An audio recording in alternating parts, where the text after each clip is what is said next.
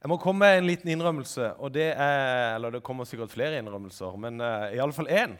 Og det er det at uh, tidvis så er jeg ganske stolt. Uh, og det skjedde her om dagen igjen. Uh, en kompis han spurte meg om jeg ikke hadde lyst til å være med og trene i den der løypa her borte på Lauåsen. I den der hinderløypa. Sykt bra trening, sa han. Det er jo helt vilt. Og du slipper å betale en haug med penger. Det er jo noen som tar 1000 kroner timen for at du skal løpe opp trapper og osv. Dette er jo bare helt gratis og superkult og bra trening. og Det er akkurat i de situasjonene der at det der eh, såkalte dritesmilet kommer fram. Eh, og så tenker jeg eh, Men eh, nei takk. Eh, det, det, jeg vet ikke om det er sånn med det, men eh, selv om jeg vet at det er feil å gjøre det, og her kommer innrømmelse to, så har jeg en tendens til å lyve i sånne situasjoner. Eh, det er nesten på samme måte som om eh, bare, Vi kan ta en håndsopprekning på det etterpå. Men det er som når noen ringer deg tidlig på morgenen, og du sover, og så spør de deg det forferdelige, gufne spørsmålet Sov du? Hvor mange av dere lyver da? Ja, det er herlig. Det gjør jeg også. Jeg lyver òg da. Da sier jeg nei, jeg sov ikke. Eh, spesielt når taxien ringer.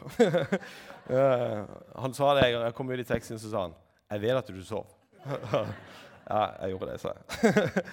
Eh, men da får Jeg liksom lyst til å si, jeg har ikke tid, jeg har ikke mulighet. og alt sånt, Men sannheten er jo det at er det én ting jeg bare virkelig ikke kan tenke meg, så er det en som friskus, som løper mye fortere enn meg, er mye raskere enn meg, mye spretnere enn meg, og som skal dytte meg liksom over de tyngste hindrene. og Eh, og som skal oppmuntre meg i de bakkene. sånn der, 'Det går veldig bra, Håvard! Helt konge, liksom!' Eh, og så kjenner jeg bare at det er ikke noe for meg. Jeg vet jo at ikke det ser sånn ut, da, men jeg er litt tyngre i shortsen enn eh, de fleste. Eh, men i alle fall så Det, det er bare ikke gira på det i det hele tatt. Da ville jeg jo tatt i alle fall to-tre runder før sjøl for å være helt sikker på at jeg i alle fall visste noe om hindrene og alle de tingene der. Det fins en sånn treningsklikk eh, som jeg bare overhodet ikke er en del av. Jeg vet at det er veldig mange som er en del av den. Men jeg, nei, jeg vil ikke på torsdagstrening her, selv om det er gratis. Og eh, Jeg vil ikke løpe sommerløpet. Jeg har ikke lyst til det. Og jeg vil ikke sykle til byen hvis ikke jeg hadde hatt elsykkel.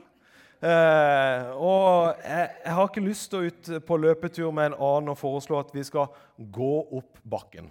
Eh, jeg, vil, jeg, vil, jo aller helst mestre det.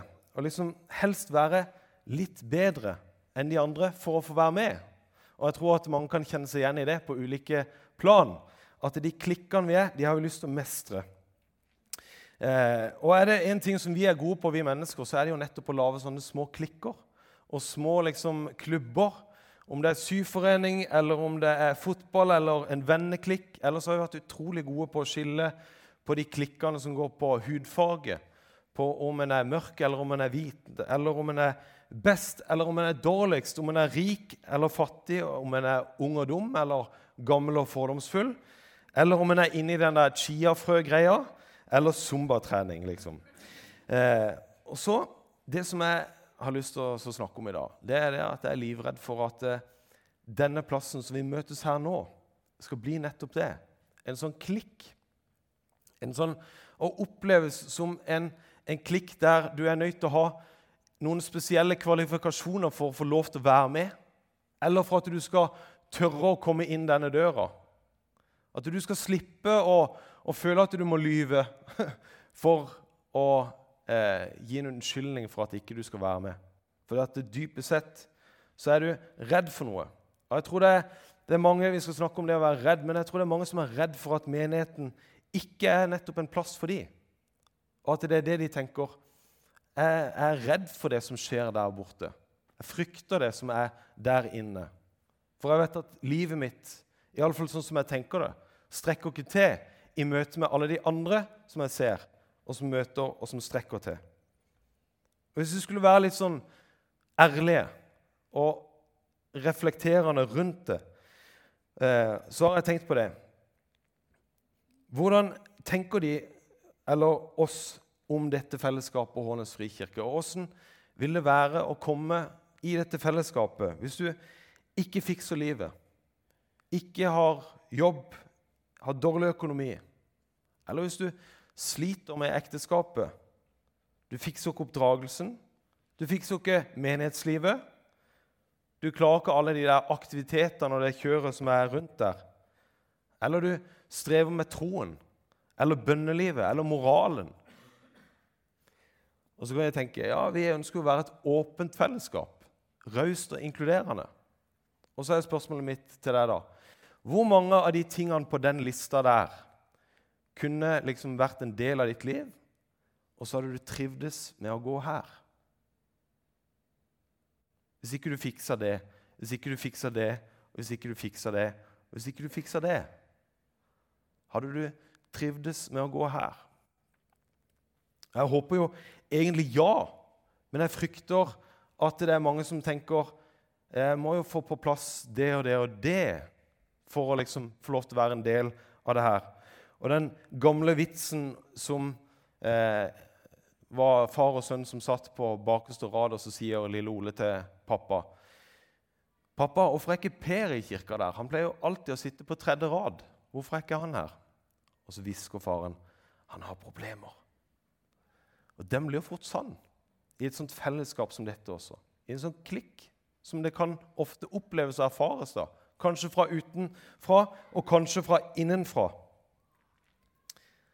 At det er jo det motsatte vi ønsker å formidle og være en del av. Men det blir ofte ikke det. Vi er også mennesker og lager oss idealbilder av hvordan ting egentlig skal være. Og så lager vi oss noen sånne Innenfor de eh, klikkene vi er, så tenker vi det er best, og så jager vi etter det beste, og så skal vi prøve å være sånn som de. Og så blir det egentlig en konkurranse om å bli mest åndelig eller være den beste på det og det, eller superhelt på en eller annen område. Heldigvis så eh, trekker Bibelen fram noen fantastiske forbilder og idealer som ikke er opptatt av idealbildene, men som nettopp gjør det motsatte, og som tør å bryte med klikken. Bryte med det som er liksom sosialt akseptert eller ikke akseptert, fordi de vil ha tak i én ting. De vil ha tak i Jesus. Jeg skal lese fra Lukas 7, eh, 36. Eh, en fariseer innbød Jesus til å spise hos seg. Og Han gikk inn i fariseerens hus og tok plass ved bordet. Nå var det en kvinne der i byen som levde et syndefullt liv. Da hun fikk vite at Jesus lå til bords i fariseerens hus, kom hun dit med en alabastkrukke fin salve. Hun stilte seg bak Jesus, nede ved føttene, og gråt. Så begynte hun å fukte føttene hans med tårene og tørket dem med håret sitt. Hun kysset føttene hans og smurte dem med salven. Da fariseeren som hadde innbudt han, så det, tenkte han med seg selv. Var denne mannen en profet, ville han vite hva slags kvinne det er som rører ved ham, og at hun fører et syndefullt liv. Da tok Jesus ordet. 'Simon', sa han til fariseeren, har noe å si deg.' 'Si det, mester', svarte han. Jesus sa to menn hadde gjeld hos en pengelåner. Den ene skyldte 500 denarer og den andre 50. Men da de ikke hadde noe å betale med, etterga han dem begge gjelden. Hvem av dem ville da holde mest av han? Og Simon svarte, den han etterga mest, tenkte jeg. Du har rett, sa Jesus. Så vendte han seg mot kvinnen og sa til Simon.: Ser du denne kvinnen? Jeg kom inn i huset ditt. Du går meg ikke vant til føttene, men hun fuktet dem med tårer og tørket den med håret sitt. Du ga meg ikke noe velkomstkyss, men helt fra jeg kom inn, har hun ikke holdt opp med å kysse føttene mine. Du salvet ikke hodet med olje, men hun smurte føttene mine med den fineste salven. Derfor sier jeg deg, hennes mange synder er tilgitt. Derfor har han vist så stor kjærlighet. Men den som får tilgitt lite, elsker lite. Så sa han til kvinnen, syndene dine er tilgitt. Og Så leser vi videre i Lukas 8, 43. Det fins nemlig bare sånne historier, eller flest av de i Bibelen, med de som ikke fiksa det, eller de som trengte Jesus. Det var en kvinne der som hadde hatt blødninger i tolv år. Alt hun eide, hadde hun brukt til leger, men ingen hadde klart å gjøre henne frisk. Hun nærmet seg Jesus bakfra og rørte ved dusken på kappefliken hans. Straks stanset blødningene. Da spurte Jesus, 'Hvem var det som rørte ved meg?' Da ingen ville svare, sa Peter. Mesterfolk presser og trenger seg inn på deg fra alle kanter. Men Jesus sa, 'Det var noen som rørte ved meg.' For jeg kjente at det gikk en kraft ut av meg. Da kvinnen skjønte at hun ikke kunne skjules, kom hun skjelvende fram mens alle så på. Kastet hun seg ned for ham og fortalte hvorfor hun hadde rørt ved ham, og hvordan hun var blitt frisk med det samme. Da sa Jesus til henne, 'Gå, din tro har frelst deg, datter. Gå i fred.' Eller i Lukas 18, 35. Da Jesus nærmet seg Jeriko, satt en blind mann ved veien og tigget. Og mannen hørte at det var mye folk på veien, og spurte hva som sto på. Da svarte han, 'Jesus fra Nasaret kommer forbi.' Da ropte han, 'Jesus, du, Davids sønn, ha barmhjertighet med meg.' De som gikk foran, snakket strengt til han og ba han om å tie, men han ropte bare enda høyere, 'Du, Davids sønn, ha barmhjertighet med meg!' Jesus stanset og ba om at den blinde skulle føres fram til ham. Da han kom nærmere, spurte Jesus han, 'Hva vil jeg skal gjøre for deg?' Han svarte, 'Herre, la meg få synet igjen.' Jesus sa til ham, 'Bli seende, din tro har frelst deg.' Straks kunne han se, og han ga seg følge med Jesus og lovet Gud, og hele folkemengden som så dette, lovpriste Gud. Er det ikke rart åssen vi lager oss klikker, og så når vi leser Bibelen, så finnes det bare én ting Jesus er opptatt av, og det er å bryte alle de der perfekte fasadene og klikkene.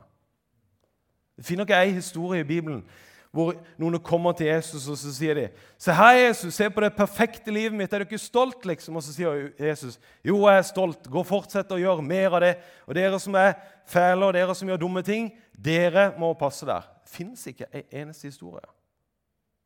Men det fins bøtter og spann av historier om sårbare mennesker, om folk som har gjort overtramp og overgrep, eller som har eh, gjort skade på seg sjøl, som griper etter Jesus.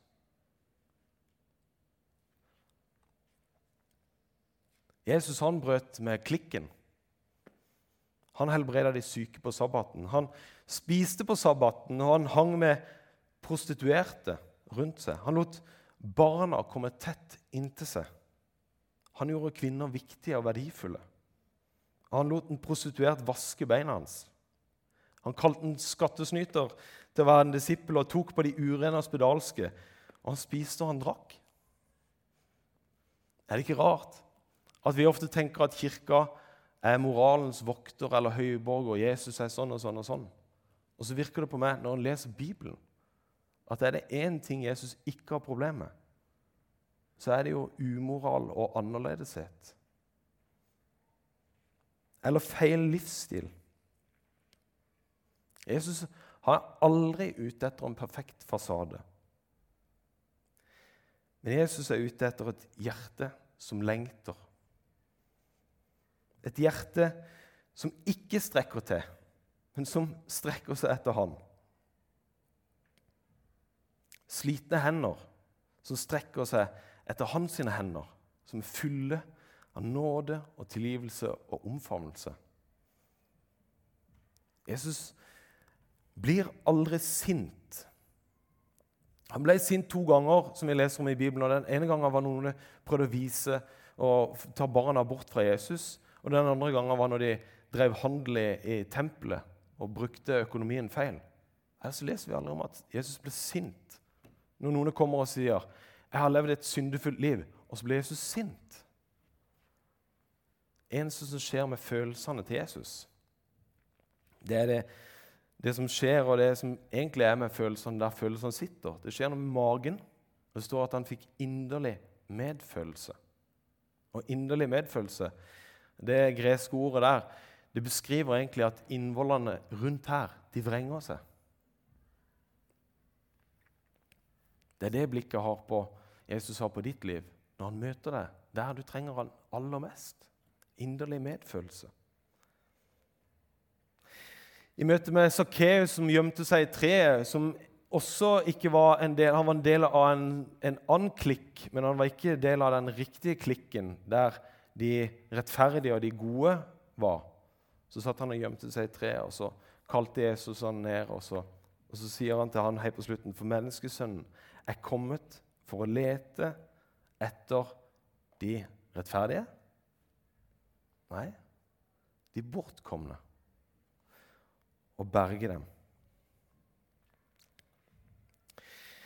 Andreas eh, Magnus han er akkurat gått inn i Eldsterådet. Vi hadde en, eh, en, dag sammen i går sammen med Eldsterådet og staben. og Så gjorde han en øvelse med oss som jeg synes var utrolig fin, og som jeg tenkte vi kunne gjøre nå. og det er at Du skal få lov til å lukke øynene dine litt. og Så skal det ikke skje noe skummelt eller noe farlig nå. Men du kan lukke øynene dine. og så, så hadde jeg lyst til at du skulle se for deg at Jesus ser på deg. Hvilke blikk er det han har i møte med deg og ditt liv? Ta gjerne fram noe du skammer deg over. En ting du syns er vanskelig. Hvordan ser han på deg?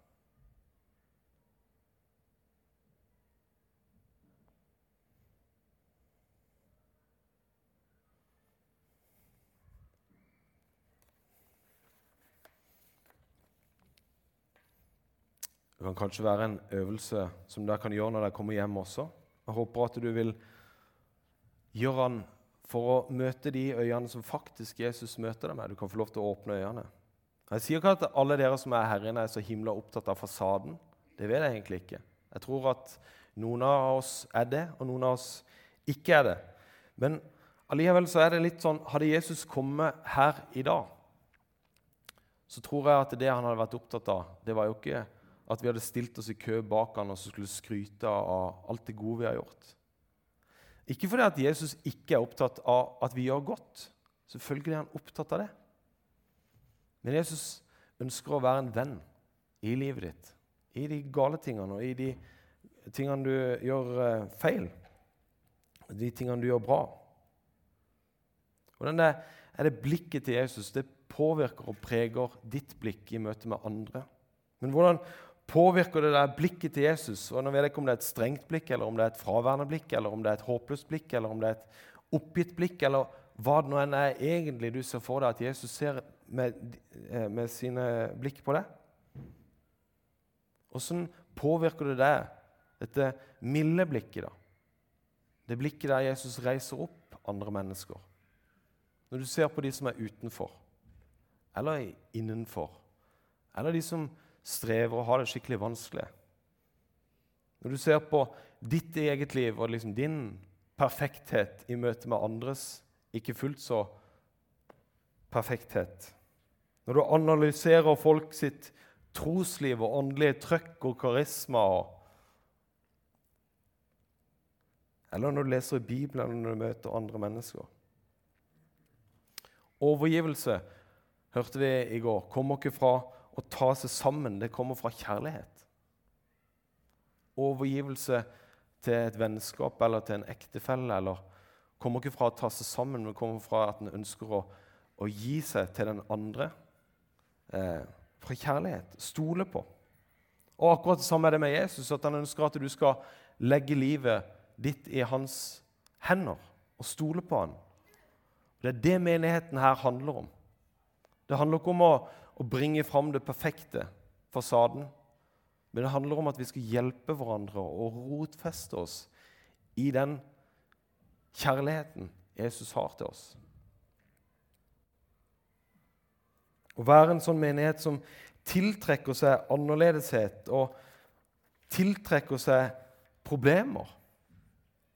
Folk som sliter. Det var det Jesus tiltrakk seg. Menigheten er ikke et sted for perfekte mennesker, men et sted der vi hjelper hverandre nærmere Jesus. Gruppene, der vi deler ekte liv. Gudstjenesten, der vi får lov til å løfte blikket mot himmelen.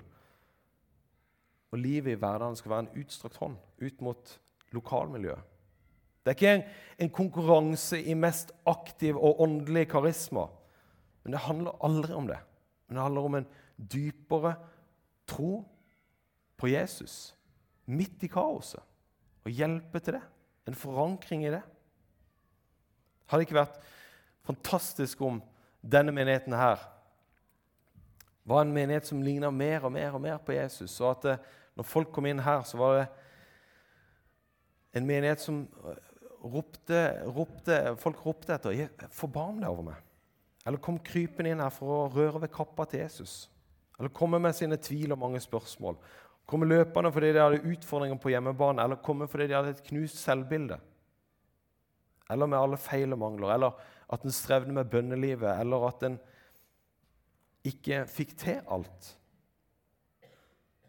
Hadde det ikke vært fantastisk om kirkene i Norge hadde blitt kjent for akkurat det? Den der varmen og rausheten, og ikke prektigheten.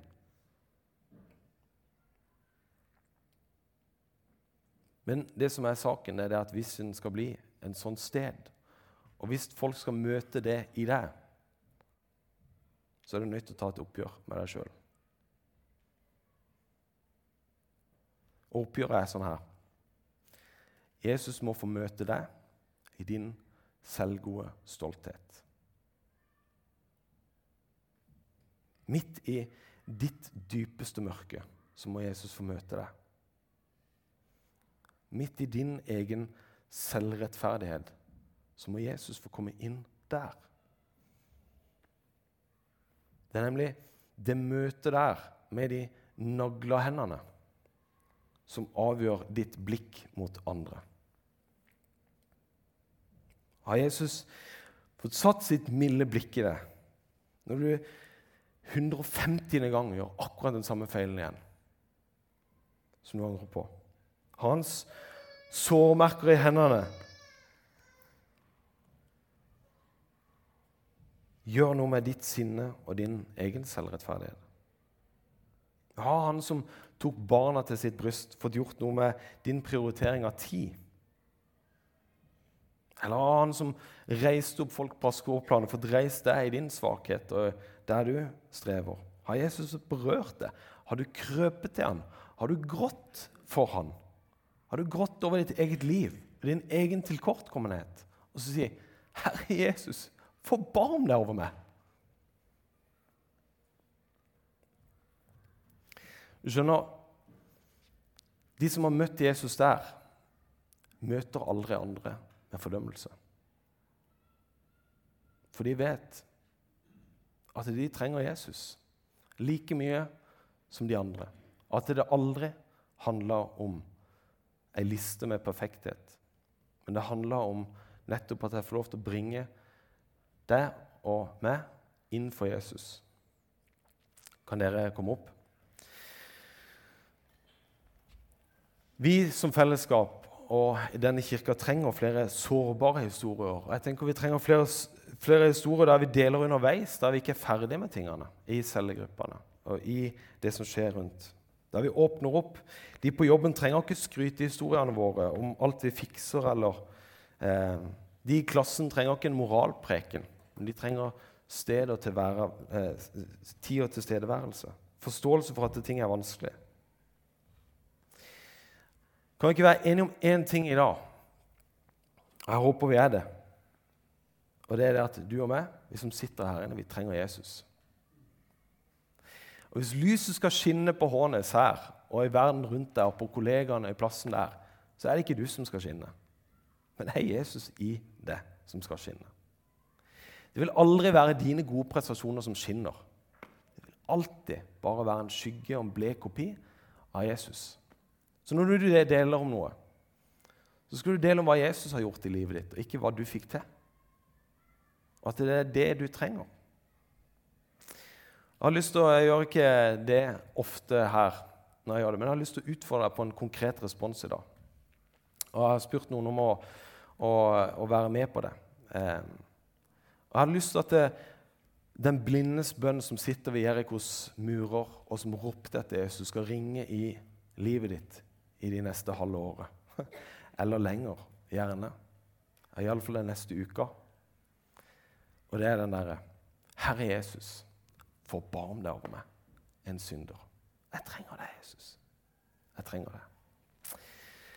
Lovsangsteamet kommer til å spille, og så kommer jeg til å sitte her. Og så kommer noen andre til å sitte her. Og så skal vi få lov til å knele sammen. Og selvfølgelig er du fri til å gjøre det hvis du, og sitte hvis du vil det. Hvis du kjenner i dag var det på tide at fasaden falt, eller i dag var det på tide at Jesus, jeg trenger deg inn i dette mørket, trenger deg inn i denne svakheten, eller trenger deg inn her, akkurat her, så kommer du her. Så sitter du sammen med noen. For vi er ikke annet enn et fellesskap som trenger Jesus, alle mann. Vi trenger å være der på kne sammen. For å si, 'Herre Jesus, forbarm deg over meg, en synder'. Så eh, dere kan begynne å spille. Og så, og så, gjør vi det sånn at dere som kommer fram, så kommer det de som skal være med og, og be. kommer her, Så sitter vi på kne. Og Så kommer du fram og reiser deg, og så sitter du på kne her sammen med oss. Og så ber vi den enkle bønnen sammen. Så skal vi ha nattvær etterpå, og det blir åpent for forbønn. Og så kanskje det er en, noe du har lyst til å gå og snakke med noen spesielt om å få bedt om. Eh, og så gjør vi det sammen. Velkommen fram til respons.